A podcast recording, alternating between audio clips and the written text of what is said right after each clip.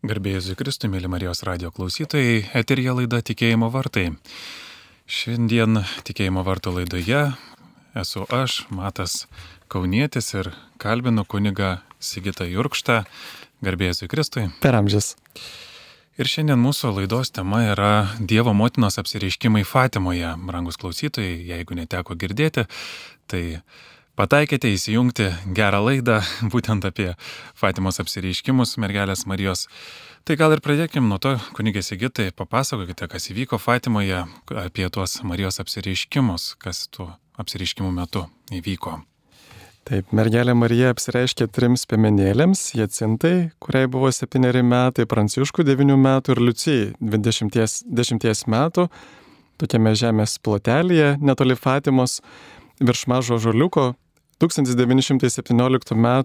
gegužės 13 d. vykstant pirmam pasauliniam karui ir tie trys regėtojai Pranciškus tik tai matė, mergelė Marija Jacinta matė ir girdėjo, o Liucija ir matė ir girdėjo ir kalbėjo. Na ir Marija prašė ateiti šešis kartus, bet prieš tai dar tris kartus metus prieš tai vyko tokio angelo, kaip jis pasakė, Portugalijos taikos angelo apsireiškimai, kurie paruošė tuos vaikus e, priimti mergelę Mariją, mergelės Marijos apsireiškimus, va kaip jie Liucija rašo viename iš savo prisiminimų, kad kai tas angelas apsireiškė, pamatė tokią šviesą, kuri gavo jaunuolio pavydalą ir saulės spinduliuose švitėjo ryškiau už kristalą, už krištolą ir tai buvo 14-15 metų neišpasakyto grožio jaunuolis, kuris juos išmokė maldų. Va pavyzdžiui, tokios maldos pirmą kartą išmokė Dieve, tikiu į tave, garbinu tave, lenkiuosi tau, myliu tave, prašau atleisti tiems, kurie į tave netiki, tavęs negarbina, nesilenkia tau ir nemyli tavęs. Paskui kitą kartą tas angelas apsireiškia tada, kada vaikai žaidė ir jisai sako, ką jūs darote, sako, melskitės, karštai melskitės ir be palievos siūskite aukščiausią maldas ir aukas. Ir tuomet tie vaikai pradėjo klausti, o ką mes galime paukoti. Angelas sako viską, ką galite aukoti Dievui, už nuodėmės, kurios įžeidžia jį, maldaukite už nusidėlių atsivertimą, taip jūs išprašysite taiką savo tautai, nuolankiai priimkite ir kantriai keskite kančią, kurią jums atsiūs viešpats. Ir, kaip sako, rašo sesuo Liucija, va ta vyriausia, kuri vėliau ir liko paliudyti visų tų įvykių, jinai gyveno iki 90 kažkelių metų, žodžiu, visai neseniai palyginti mirė 2005 metais, o tie du vaikai, jie mirė labai greitai, po poros metų nuo apsiriškimų. Ir štai trečią kartą angelas atnešė šventąją komuniją abiems vaikams, tai, tai yra visiems vaikams abiem pavydalais, išmokė dar vienos maldos, švenčiausiai trejybė, tėvė, sunau ir šventoji dvasia, iširdies tave garbinu ir aukoju tau brangiausią Jėzaus Kristaus kūną ir kraują, sielą ir dievystę esančius visose pasaulio tabernakuliuose kaip atlyginimo už įžeidimus, šventvagistės ir abejingumą, kurie tave įžeidžia. Per jo švenčiausios širdies ir nekalčiausios Marijos širdies nuopelnus prašau tavęs nusidėjėlio atsivertimo. Na ir čia nais irgi per tuos e, e, angelo apsiriškimus vaikai tikrai patyrė tokį dangaus prisilietimą Ir paskui jie jau buvo pasiruošę susitikti su mergelė Marija ir pirmą kartą jie apsireiškė irgi toje pačioje vietoje, virš tokio, nu, virš tokio žaliuko. Ir tada prašė ateiti šešis kartus į tą vietą ir klausė, ar nori pasiaukoti viešpačiui ir iškesti visas kančias, kurias jis jums pasiūs už jį užgavusios nuodėmės, už nusidėlio atsivertimą.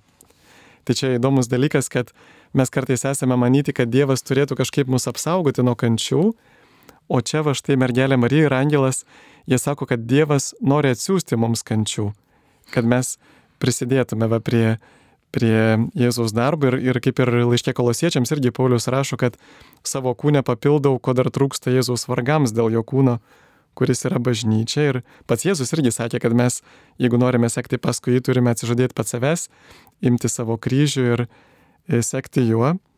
Ir paskui dar e, kiti apsireiškimai įvyko, reiškia, iš viso šeši apsireiškimai ir trumpai pabandysiu va papasakot, kas per juos atsitiko. Tai per tą pirmąjį apsireiškimą dar e, irgi pasakė, kad tie vaikai turės daug kentėti, bet Dievo apvaizdo juos sustiprins. Ir tada tarsi vidinė jėga jos parklubdė ir skatino kartot maldą švenčiausiai trybė, aš tave garbinu, mano Dieve, mano Dieve, aš tave myliu švenčiausiame sakramente. Tai irgi matom, kartais iš šalies atrodytų, kad tie vaikai prieš mergelę Mariją klaupasi, o pasirodo, kad čia ta Dievo jėga skatina Dievą garbinti ir prieš Dievą atsiklaupti to apsiriškimo metu. Taip pat prašė kasdien kalbėti rožinį, kad pasaulyje baigtųsi karas. Per antrą apsiriškimą vėl pakartojo, kad ateis kas, kas mėnesį, prašė kalbėti rožinį, kad išmoktų vaikai skaityti. E, išpranašavo, kad tie du jaunesni vaikai greitai labai jos, kad Marija nusives į dangų. O Liucijai Marija sakė tokius žodžius, Jėzus nori, kad tu jam patarnautum, padėdama žmonėms pažinti ir mylėti mane. Jis nori, kad pasaulyje įsivyrautų mano nekalčiausio širdies kultas. Tiems, kurie atsiduos jai, aš pažadu išsigelbėjimą, jų sielos bus Dievo mylimos kaip gėlės, kurias aš klosiu prie jos sosto. Tada jie pamatė dar mergelės Marijos širdies apsuptos ir škiečiais viziją ir ji prašė irgi atgailos už tas nuodėmės, kurios yra daromas Marijos širdžiai. Paskui trečioji, trečiojo apsireiškimo metu e, išmokė tuos vaikus mergelė Marija siūsti aukas Dievui, kartuojant tokią maldą, pavyzdžiui, kai, na, bet kokią auką norim paukoti Dievui, ar kažkokias kančias, ar paskui apie jas dar galėsim daugiau pasikalbėti, tai sakė aukoti, sakyti tokią maldą Jėzų iš meilės tau, už nusidėlio atsivertimą ir kaip permaldavimą už Marijos širdžiai padarytas nuodėmes. Ir taip pat to trečio apsiriškimo metu dar parodė, e, na, atskleidė tokią paslaptį iš trijų dalių. Jeigu trumpai kalbant apie tą paslaptį, apie ją, aišku, lab, turbūt daugiausia gal kalbama, ypatingai apie trečią paslapties dalį, kurią tik tai 2000 metais bažnyčia atskleidė, tai pirmoji dalis paslapties buvo pragaro vizija, kad jis tikrai egzistuoja ir kad ten daug žmonių patenka. Viename iš irgi tokių privačių vizijų turbūt ir kitai regėtojai atsintai. Marija irgi yra sakiusi, kad daugiausia žmonių po mirties patenka į skaistyklą, mažiau į pragarą ir tik visai mažai tiesiai į dangų. Antroji paslapties dalis buvo irgi susijusi, kad e, štai Marija sako, jūs matėt pragarą, kur eina vargšų nusidėlių sielos ir šių sielų išganimai Dievas prašys visų kreiptis į mano nekalčiausiąją širdį. Ir čia irgi išpranašavo, kad jeigu jie paklausys, bažnyčia paklausys ir žmonės paklausys atsiversti, tai tuomet karas baigsis, bet jeigu ne, tuomet e, prie Pijaus 11 prasidės kitas karas daug baisesnis už šitą. Kalbėjo apie antrąjį pasaulinį karą ir kad e, bažnyčia, Dievas baus žmoniją karu, badu ir bažnyčios persikėjimu už žmonijos nusikaltimus Ir taip pat e, toje paslapties dalyje jį prašė paukoti Rusiją jos nekalčiausiai širdžiai ir prašė šešių mėnesių pirmų pirmų šeštadienių, pirmų mėnesių šeštadienio atsiteisimo komunijos už Marijos širdžiai padarytas nuodėmės. O trečioji paslapties dalis buvo apie ateities įvykius irgi, kad e, visų pirma angelas, kuris nori bausti pasaulį, paskui mergelė Marija, kuri sulaiko tą angelo bausmę ir e, paskui ypatinga katastrofa pasaulyje, kad E, popiežius ir viskupai ir, ir kiti pasauliečiai tikintieji eina pro sugriautą miestą, jie užlipa ant kalno ir tenais juos e, yra toksai kryžius ir jie yra nužudomi kareivių, kurie šaudo į juos ir galiausiai angelai jų kraują surenka ir paskui šlaksto tą kraują, pagirdo to krauju prie Dievo artėjančias sielas. Na, paskui ketvirtajam apsireiškime e, buvo irgi panašus pakartojimai, aišku, prieš tai vaikai buvo pagrobti, tardomi labai žiauriai, sakomi ten, kad va, aš jūs išvirsiu aliejuje karštam, net ir grasino, kad tas apskrities valdytojas, kuris juos pagrobė, grasino, kad jau išverė jų ten draugus, kad, na, žodžiai, norėjo, kad jie paneigtų viską, kad įsižadėtų, bet tie vaikai, tokie maži būdami, jie neįsižadėjo ir ištvėrė tos kankinimus, tardymus. Ir Taip pat e, mergelė Marija daug dalykų irgi pakartoja apie tą 13 dieną, apie rožinį, e, vis užsimena apie stebuklą, kad jį padarys e, ir taip pat, kad visi žmonės įtikėtų. Taip pat prašė melskitės karštai, melskitės ir aukokitės už nusidėlius, nes daug sielų pateks į pragarą, kadangi nėra nieko, kas už jos aukojasi ir meldžiasi. Va štai tas didysis rūpestis mergelės Marijos per penktą apsiriškimą vėl pakartojo, kad kalbėtų rožinį ir e, taip pat e, pažadėjo vėl stebuklą, jau sekantį paskutinį spalio 13 dienos apsiriškimą ir per paskutinį apsiriškimą jie irgi pakartojo tą prašymą dėl e, rožinio maldos, pažadėjo, kad karas baigsis, prisistatė kaip rožinio karalienė, panašiai kaip ir Lurdą galim prisiminti, kad Marija tik pas, na, viename iš paskutinių kartų pasakė savo vardą ir paprašė koplyčios. Ir aišku, per visus tos apsiriškimus dar vienas, viena gyja, kurios nepaminėjau, tai visą laiką žmonės prašydavo išgydymų. Ir Marija labai įdomiai visą laiką atsakydavo, kad e, per metus pasveiks, jeigu atsivers. Žodžiu, kad sako, pirmą mes turime atsiversti ir paskui e, tada galėsim prašyti išgydymo, nors Dievas išgydys ne visus, galbūt mato, kad mums yra geriau kartais turėti tą lygą. Ir aišku, taip pat prašė, kad e, žmonės daugiau nebeižeidinėtų Dievo, nes mūsų viešpats ir taip jis prisikentėjo dėl tiek įžeidimų. Na va, ir vyko tasai Saulės stebuklas. Mhm.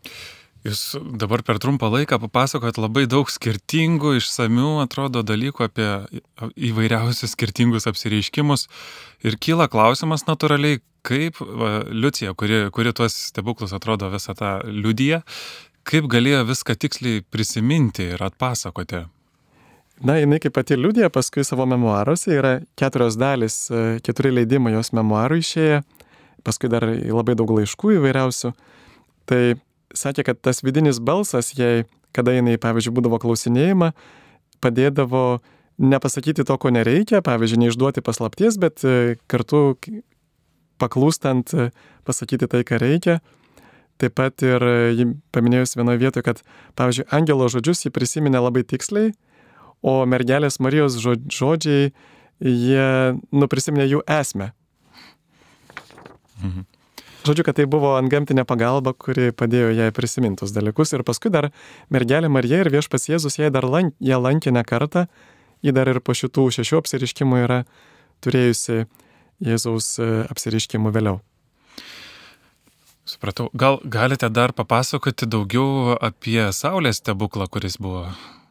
Taip, e, kai kas netgi vadina tai vienu didžiausiu 20-ojo amžiaus stebuklų ir iš tikrųjų jis buvo didelis tuo, kad na, susirinko 70 tūkstančių žmonių minė ir ten tame tarpe buvo daug netikinčiųjų iš įvairių dienraščių, pavyzdžiui, Osekulio, vat yra pagarsėjęs, yra net jo iš, išlikusios nuotraukos to laikraščio antraštės apie tai, kaip Saulė šoko tą dieną ir Osekulė buvo antibažnytinis e, laikraštis ir taip pat yra išlikę dokumentuoti liudijimai tų korespondentų, kurie buvo prieš bažnyčią nusistatę ir apskritai visų žmonių ir jų liudimai labai labai sutapo apie tai, ką jie matė. O kaip žinom, kolektyvinių halucinacijų nebūna. Jeigu būna halucinacijos, tai kiekvienam skirtingos ir maža to, dar matė žmonės net ir už kelių ir už keliasdešimties kilometrų tą reiškinį, kaip ir tas reiškinys buvo visiškai nenatūralus. Tai Saulė, visų pirma, dar reiktų paminėti, kad jie buvo keurai permirkę, jie buvo visiškai šlapino didelės liūties ir staiga danguje Saulė pradėjo e, suktis aplink savo ašį, jinai pradėjo kaip ferverkas kleisti vairias spalvas ir paskui kaip koks verpetas e, keliauti per dangų įvairiomis spalvomis kleisdama ir galiausiai kristi žemę. Ir kai Saulė pradėjo kristi žemę, žmonės labai labai išsigando, galvojo, na, kad ugnis krenta iš dangaus. Ir tą akimirką jų drabužiai staiga išdžiuvo. Jie visi, visi buvo keurai permirkę ir staiga per akimirką išdžiuvo. Tas Saulės stebuklas apie 10 minučių truko Ir taip pat e, patys vaikai ir, ir kai kurie kiti žmonės irgi regėjo tam tikras vizijas. Pavyzdžiui, vaikai regėjo e, trijų rožinio dalių skausmingas, džiaugsmingas, garbingas paslaptis jų vizijas. E, mergelė Marija, Juozą pamatė, ir, o, o žmonės tuo tarpu regėjo tą Saulės stebuklą, kuris tikrai buvo ženklas, kad čia yra Na, kad ne vaikai išsigalvoja tą istoriją, jau iš pradžių juos labai vargino, labai mhm. kankino, labai visi kaltino, net ir tą bažnyčią uždarė dėl jų. E, ir tikrai buvo jie kaltinami visų. Ir, ir tų antibažnytinių valdžios atstovų, ir gyventojų, ir, ir tų, kurie priekaištavo, kad jų ten nepagydė, ir, ir jų tėvų, ir bažnyčios kunigų, kuriems ten buvo labai neparanku, kad ta bažnyčia būtų uždaryta. Bet galim prisiminti šventąjį raštą, kad šventajame rašte yra buvę irgi saulės stebuklų. Pavyzdžiui, Jozuės atrodo knygoje yra, kad e, Dievas tai davė kaip ženklą, kad šešėlis sugrįžo atgal, va tas saulės stebuklas buvo ženklas e, na, Dievo veikimo. Tai irgi galim pamatyti, kad tai yra ženklas, kad čia veikia Dievas per tos vaikus. Mhm. Jeigu reikėtų taip apibendrintai pasakyti, ko ir kodėl prašė mergelė Marija? Na taip, tai jeigu taip žiūrint plačiau į visus Marijos apsiriškimus, tai galima būtų išskirti tokius tris dalykus. Čia ne, ne, tik, ne tik apie Fatimą kalbant, apie, apie visus mergelės Marijos apsiriškimus, tai jinai visą laiką prašo maldos, aukos ir atsivertimo arba atgailos. Na, atsivertimas ir atgaila yra e, tas pats žodis, jeigu graikiškai kalbant, tai žodžiu, e, ji prašo labai daug melstis visur ir prašo melstis rožinį, va čia irgi vis kartoja, kad melsus ro, rožinį. Taip pat e, prašo aukų ir vėlgi tas aukas mes e, e, galim irgi ir plačiau suprasti, bet tiesiog, kad jie aukotųsi už nusidėlių atsivertimą, būtent už nusidėlių atsivertimą, už kurios niekas nesimeldžia, ir galiausiai prašė e, savo pačių e, atsivertimo, kad žmonės nustotų daryti nuodėmės, kad pasidarytų, na, pamestų tą drungnumą. O jeigu kalbant apie Fatimos konkrečiai apsiriškimus, tai e, čianais mergelė Marija, ji dar prašė tokių, na, galima sakyti, net politinių dalykų. Va, pavyzdžiui, prašė E, paukoti Rusiją, kad popiežius vienybė su viskupais paukotų Rusiją jos nekalčiausiai širdžiai. Ir tie vaikai net nežinojo, kas ta Rusija. Marija prašė, kad jinai, na, sakė, kad e, Rusija paskleis savo klaidas po pasaulį, netgi pranašavo, kad daug tautų bus sunaikinta, jeigu žmonės nepaklausys. Tas dar kol kas neišsipildė, reikia tikėtis, kad neišsipildys, bet ką gali žinot. Ir, ir tie vaikai net galvoja, va, pavyzdžiui, sako, vienas iš jų sako, tai gal Rusija, tai čia tikriausiai dėdės Joakimo Asilė, turbūt jos vardas Rusija. Ir Liucija pataisė, ne, sako, čia turbūt apie kokią nors pamaldžią moterį katalikę eina kalba. E, tai va, ir, ir įdomu, kad Rusijos spalio revoliucija prasidėjo, na, pagal naują kalendorių lapkritį, būtent po dviejų savaičių nuo tų apsireiškimų bolševikai paėmė valdžią, taigi jie net nelabai žinojo, kad Rusijoje gali kažkas tai įvykti, tokio, kas paveiks visą pasaulį. Ir paskui šiandien kiek domėjausi, kad tikrai Rusija yra sukėlusi karus ir sukėlimus mažiausiai 50 pasaulio šalių. Ne, ne tik tai ten Kinija, Kuba, ar, bet iš tikrųjų yra labai didžiulis tas e, komunistinės Rusijos toks neigiamas poveikis žmonijai. Ir taip pat, taip pat e, toksai būdingas bruožas mergelės Marijos to prašymo buvo, kad irgi vaikai, kad e, skatintų pamaldumo jos nekalčiausiai širdžiai, buvo labai aiškiai išreikšta Jėzaus valia, kad būtų įsteigtas pamaldumas Marijos širdžiai. Ir nors bažnyčioje, aišku, per visus amžius jau ėjo tasai pamaldumas Marijai, bet čia toks labai aiškus, va tarsi tęsiant tai, ką, e, pavyzdžiui, Jėzus pradėjo per šventąją Mariją Margaritą Alekok, e, Jėzus su Jėzaus širdies apsiriškimu ir beje, čia irgi buvo labai didelis sąsaja irgi su tuo prancūzijos karaliumi, kad ir tada Jėzus prašė paukoti E, Prancūziją Jėzaus širdžiai ir tas Liudvikas XIV nepaukojo ir galiausiai tik Liudvikas XVI sugalvojo aukoti jau tada, kada buvo jau kalėjime prieš ešafotą, prieš nukertant galvą ir jau buvo per vėlų. Tai čia irgi tas toksai ženklas, gal irgi pranašiškas ženklas, kad tas prašymas aukoti Rusijos Marijos širdžiai ir kartu va, tas um, priminimas, kad gali būti per vėlų. Va, tai, tai žodžiu, trumpai kalbant, tai yra Marija apsireiškia kaip rožinio karalienė, taigi jinai prašo kiekvieną žmogų kasdien kalbėti rožinį už taiką pasaulyje. Mhm. Va, pasako, kad Dievas pavedė jai globoti taiką ir e, jokiais kitais būdais neteis taika kaip tik per Mariją, kaip tik per rožinio maldą. Ir žodžiu, kad e, vat, kartu tas prašymas atsiteisti už nuodėmės būtent Marijos širdžiai padarytas. Irgi čia vat įdomu ir kaip tą maldą o, mokė paukoti savo aukas Dievui už nusidėlio atsivertimą ir kartu už Marijos širdžiai padarytas nuodėmės. Mhm. O tai kaip supratau, dažniausias Marijos prašymas ir buvo kalbėti rožinį, ar taip? Taip, taip, taip. Ir, ir dar kartu karštai vadmelstis už nusidėlio atsivertimą ir už taiką. Nes e, jeigu mes nesimelsim už nusidėlio atsivertimą, jie ir patys pateks į pragarą ir sukels karus. Mhm. Ir taip pat minėjote aukojimą, aukų įvairiausių įdomu, ką, ką galėjo tie vaikai aukoti, ką jie aukodavo. Na taip, Aišku, visų pirma, mes tai galime aukoti šventąją komuniją. Va, ir tas pamaldumas pirmų šeštadienį irgi yra susijęs, va, dar nepaminėjau, kad kartu prieitume iš pažinties ir aukotume šventąją komuniją kaip atlyginimą už Mariją širdžiai padarytas nuodėmės. Na, pavyzdžiui, tie vaikai sugalvodavo karštą dieną susilaikyti nuo vandens. Aišku, čia irgi nerekomenduojama yra, sveikatai tikrai pavojinga. Arba, pavyzdžiui, po drabužiais buvo apsijuosę širkščiomis virvėmis, kurios jiems trukdė užmigti. Ir tada įdomu, kad penkto apsiriškimo metu Marija sakė, kad Dievui patinka jūsų pasiaukojimas, bet norėtų viešpas, kad virves nešiotume tik dieną, kad nakčiai nusimtumėt, nes tos virvės taip geldavo, kad jie net, pavyzdžiui, atsintai net, net verkdavo, bet e, nesileisdavo į kalbamą, kad nusimtų tas virves, nes sakydavo, kad, na čia jeigu už vargšus už nusidėlius, kaip aš galiu už juos nesiaukoti. Ir e, tada, kai jie atsidūrė ligoninėje, Jacinta ir Pranciškus po poros metų maždaug tai pamatė irgi, kad jų tos virvės netgi buvo krūvinos. Taip pat jie, pavyzdžiui, atiduodavo, pavyzdžiui, skanes vynogės, kurias mama atneždavo kitiems vaikams. Na, va, tai čia pasninkas yra ta auka, kurią galime visą laiką aukoti. Mhm. Pavyzdžiui, trečiadieniais, penktadieniais mes galim pasninkauti kaip pirmieji krikščionys. Taip pat, e, va, pavyzdžiui, kaip Jėzus trečiadienį buvo išduotas ir nuspręsta jį nužudyti ir, ir penktadienį jisai buvo nužudytas va tom dienom. Arba, pavyzdžiui, atsiždėdavo mėgstamų žaidimų vietoj to skirdavo laiką maldai. Mes irgi galime atsiždėti kompiuterinių žaidimų, visokių socialinių tinklų ir vietoj to skirti laiką maldai. Gavienės metu griežčiau pasninkaudavo. E, Jacintava, pavyzdžiui, jinai labiau aukojo savo lygą.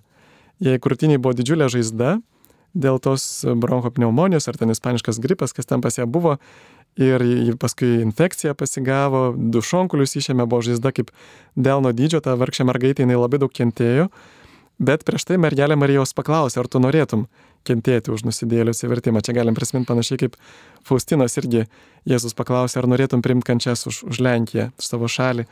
Tai vad paskui sesuo Liucija, jinai rekomendavo ne tokias ekstremales, bet tokias mažas aukas. Aš irgi prisimenu kažkada tai apie jau aplink bažnyčią keliais per asfaltą ir nuo to laiko pradiškai nebegaliu klūpėti. Tai, tai iš tikrųjų Dievui kartais ne, nereikia tokių didelių aukų, nes mes galim su, sugadinti sveikatą. Ir taip pat, kaip sako Liucija, Tai, kad jos savaime yra mažos, nereiškia, kad jos mažiau patinka Dievui. Jomis mes įrodome savo ištikimės meilės Dievui ir artimui švelnumą. Ir taip pat jis sakė, kad geriausios aukos yra ypač rūpestingai atlikti savo pareigas gyvenime, nesiskundžiant prim nusivylimus, nekreipti dėmesio į žaidimus, nukest nuoskaudas. Štai rašė, tikra atgaila, kurios jis dabar reikalauja, pirmiausia yra asmeninė auka, kurią kiekvienas prisima išpildydamas savo religinės ir pasaulietinės pareigas. Ir čia dar įdomu, kad Benediktas XVI Spesalvė enciklikoje 40 paragrafe rašo, kad katalikai turėtų atgaivinti aukojimo praktiką. Nu čia ne apie pinigus kalba, bet būtent, va kaip jis rašo, šiandien galbūt mažiau praktikuojamam, bet dar neseniai labai paplitusiam pamaldumui buvo būdinga mintis, jog nedidelius kasdienius vargus galima paukoti, taip suteikiant jiems prasme Toks pamaldumas nebijotinai turėjo perdėtų ir galbūt nesveikų dalykų, tačiau vertėtų paklausti, ar jame neglūdėjo kažkas, kas esmingai ir pagalbu, ką reiškia paukoti. Šie žmonės buvo įsitikinę, jog savo nedidelius vargus gali įterpti į didįjį Kristaus draugė kentėjimą, kad jie kažkaip priklausytų draugė kentėjimo lobiui, kurio reikia žmonijai. Tada prasme įgyti ir prie gėrio meilės tvarkos prisidėti galėdavo ir nedideli kasdieniai sunkumai. Galbūt turėtume paklausti, Ar šitai negalėtų mums vėl tapti protinga perspektyva? Citatos pabaiga, kaip sako Benediktas XVI enciklikai Spesalvi. Ir, pavyzdžiui, Faustina Jėzus sakė, kad vertingiausios Dievo akise aukos yra klusnumo aukos, o taip pat Jėzaus kančios apmąstymai. O taip galim e, vertingiausiai panaudoti laiką. Ir pavyzdžiui, kaip pavyzdys, jeigu mes turim savo nuodėm, visi turim nuodėmklausį, kai einam iš pažinties, jeigu klausom nuodėmklausio, jeigu e, klausome dienotvarkės, tai tada turime progą kasdien pauko Dievui daugybę klusnumo aukų. Ir kaip Samuelio, pirmojo Samuelio knygoje parašyta, kad klusnumas yra geriau negu krūvina auka, o maištas nemažesnė nuodėmė užbūrimą. Mhm. Ar tų aukų ji prašė tik vaikų, ar tik Portugalijos gyventojų galbūt? E, ji prašė ir kreipėsi į visus, ir kaip Karlas, Karlas Raneris yra sakęs, kad va tie 20 amžiaus Marijos apsiriškimai ir, ir jau ir anksčiau prasidėjo, jie nebetelba į tą privačių apsiriškimų kategoriją, kad, nes per juos Marija kalba visiems žmonėms. Supratau. Kartais e, žiūrim į stebuklus skeptiškai gana. Turim taip pat tokių žmonės kartais nustumia į kažkokių fantazijų sritį tos visus stebuklus. Ką mums reikalingi tokie apsireiškimai? Ir e, katekizmas e, netgi cituoja Šventą kryžiaus Joną, kuris sako, kad Dievas viską pasakė per savo sūnų Jėzų.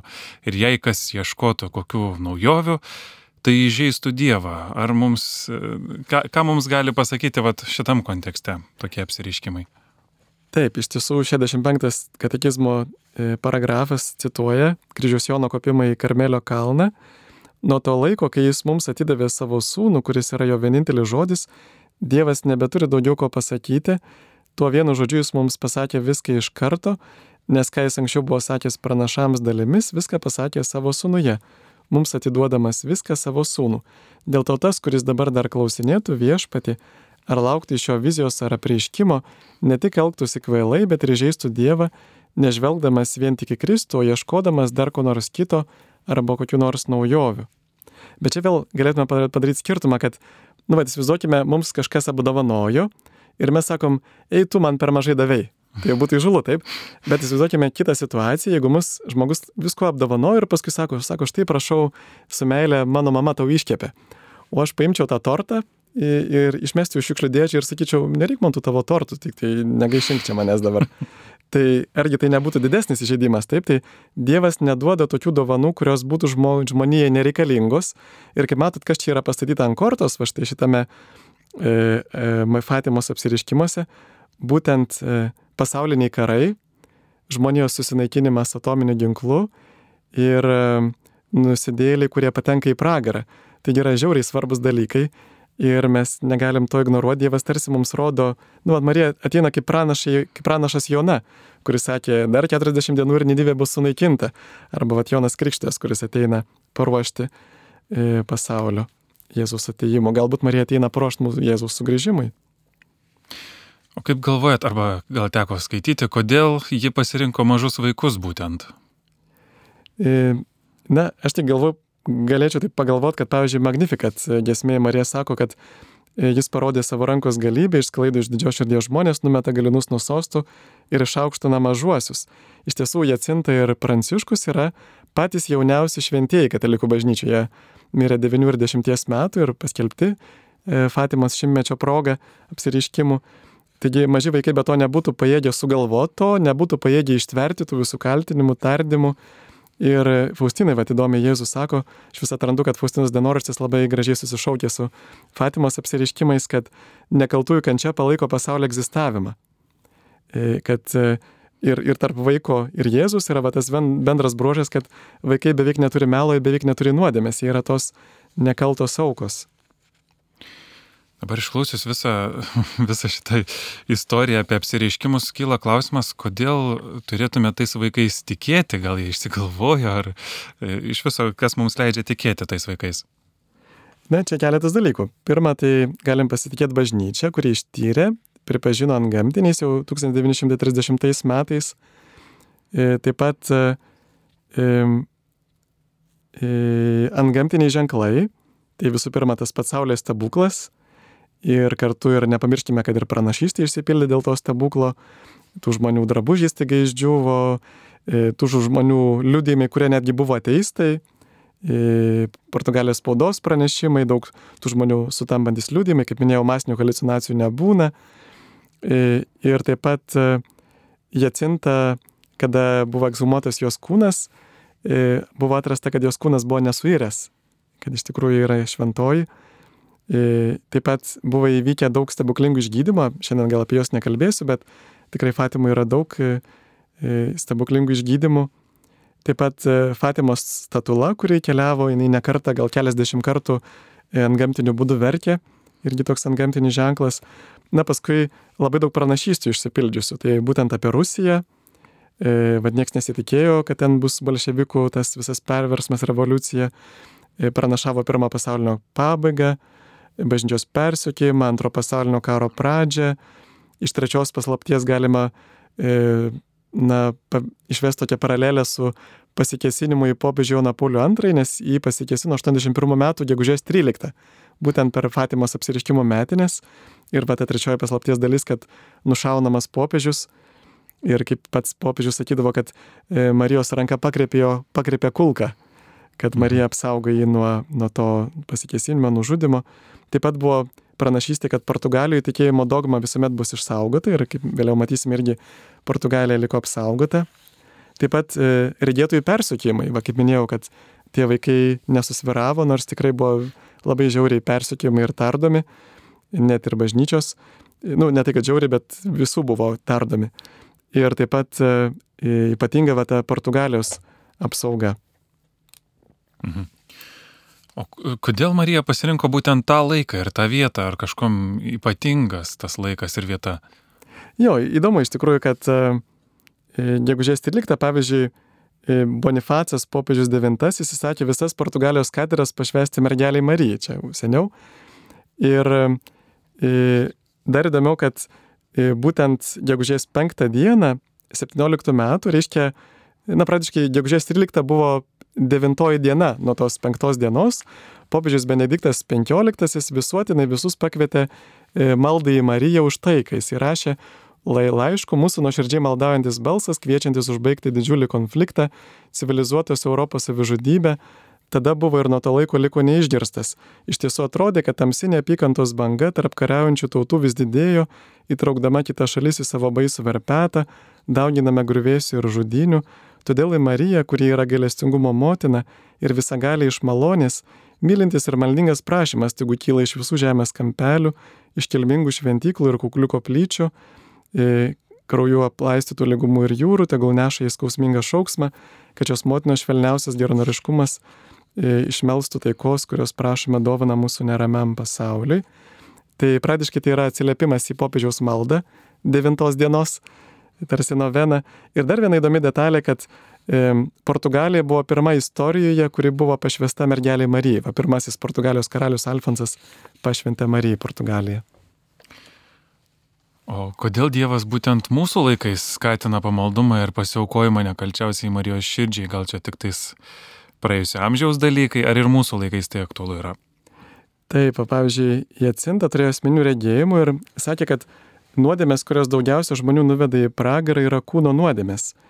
Įsigalės tokios mal, mados, kurios įžeis mūsų viešpatį, žmonės, kurie tarnauja Dievui, neturi vaikytis madų, bažnyčia neturi madų, mūsų viešpats visada tas pats Tai va, tai galim irgi matyti, kad netirumas kaip tik yra tai, ko žmonės daugiausiai ieško ir randa internete. Ir tokia Aleksandrina Dakosta, palaimintai, kuri 13 metų gyveno vien tik komuniją, iš Jėzus e, turėjo gavusi tokį pranešimą, kad neskaistumas yra stipriausia grandinė, kurią šetonas laiko sukauštė sielas.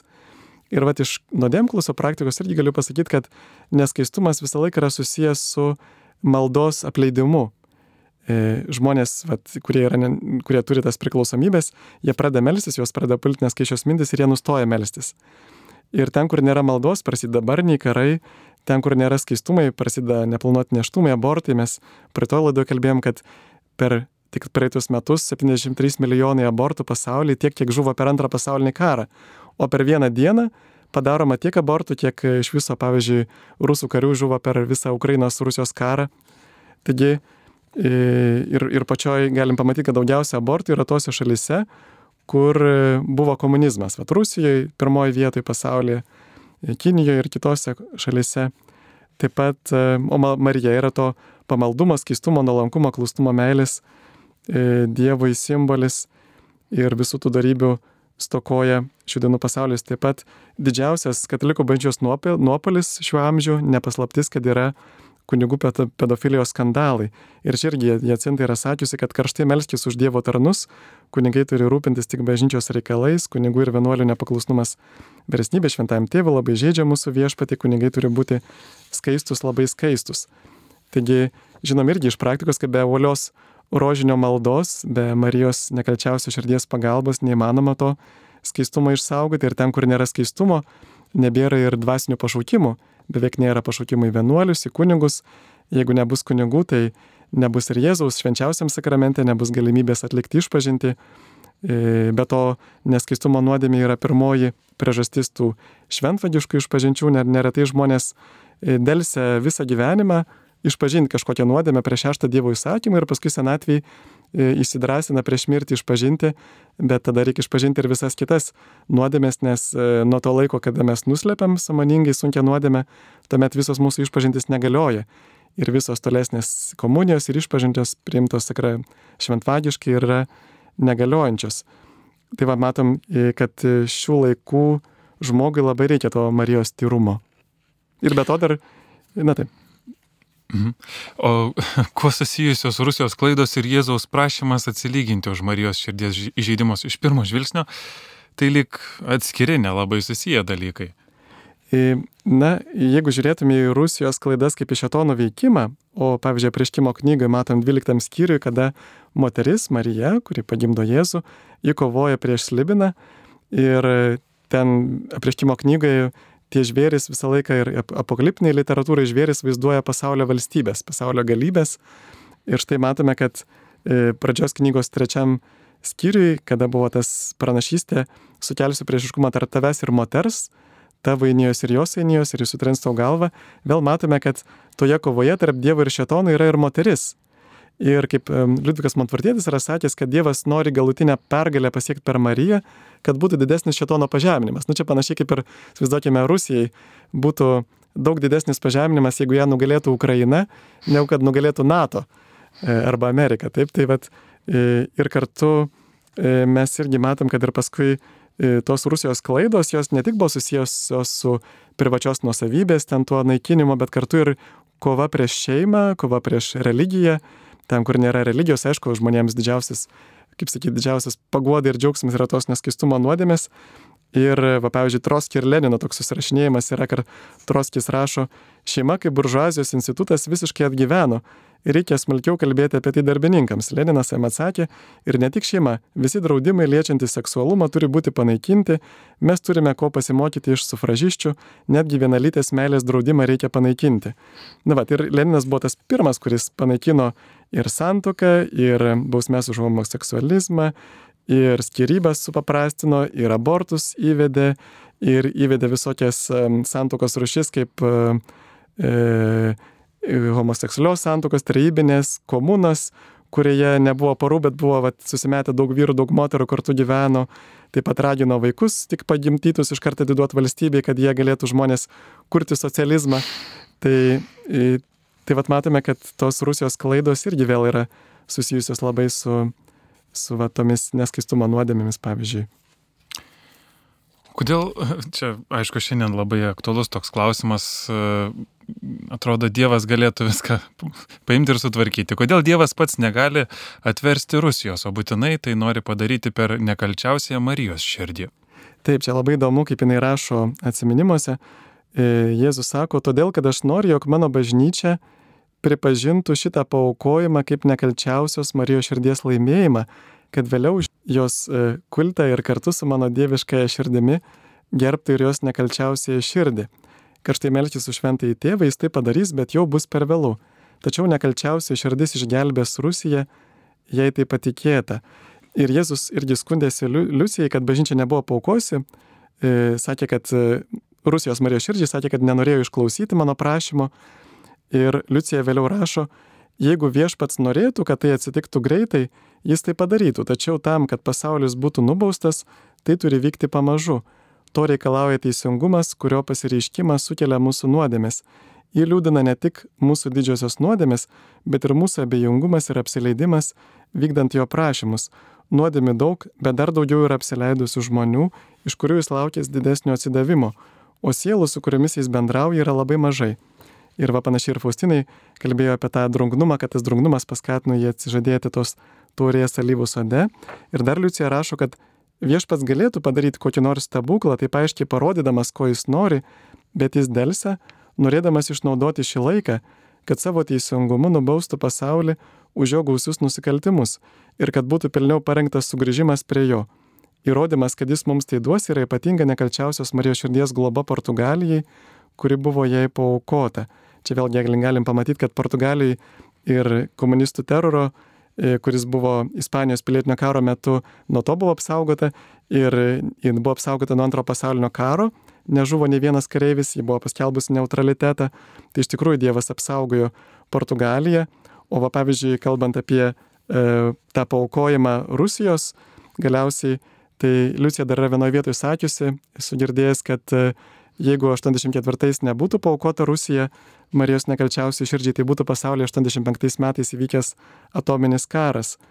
Taigi matome, kad irgi vėl čia, kaip sako ir apaštalas Paulius, kad Dievas, e, kad mes turime patys save tirti, kad nebūtume Dievo baudžiami, reiškia patys turime eiti iš pažinties, atsiversti, o jeigu Dievas pabaudžia, tai tam, kad būtume e, nepasmerkti kartu su pasauliu. Reiškia, Dievo bausmė ir, irgi yra, na, kaip bandymas išgelbėti žmoniją. Mūsų laidos laikas eina visai į pabaigą. Gal dar paskutinis klausimas pabaigai. Praėjo jau daugiau kaip šimtas metų nuo šitų įvykių. Jau kaip ir e, minėjom, bet vis tiek, ar mums tai dabar dar aktualu šiandien?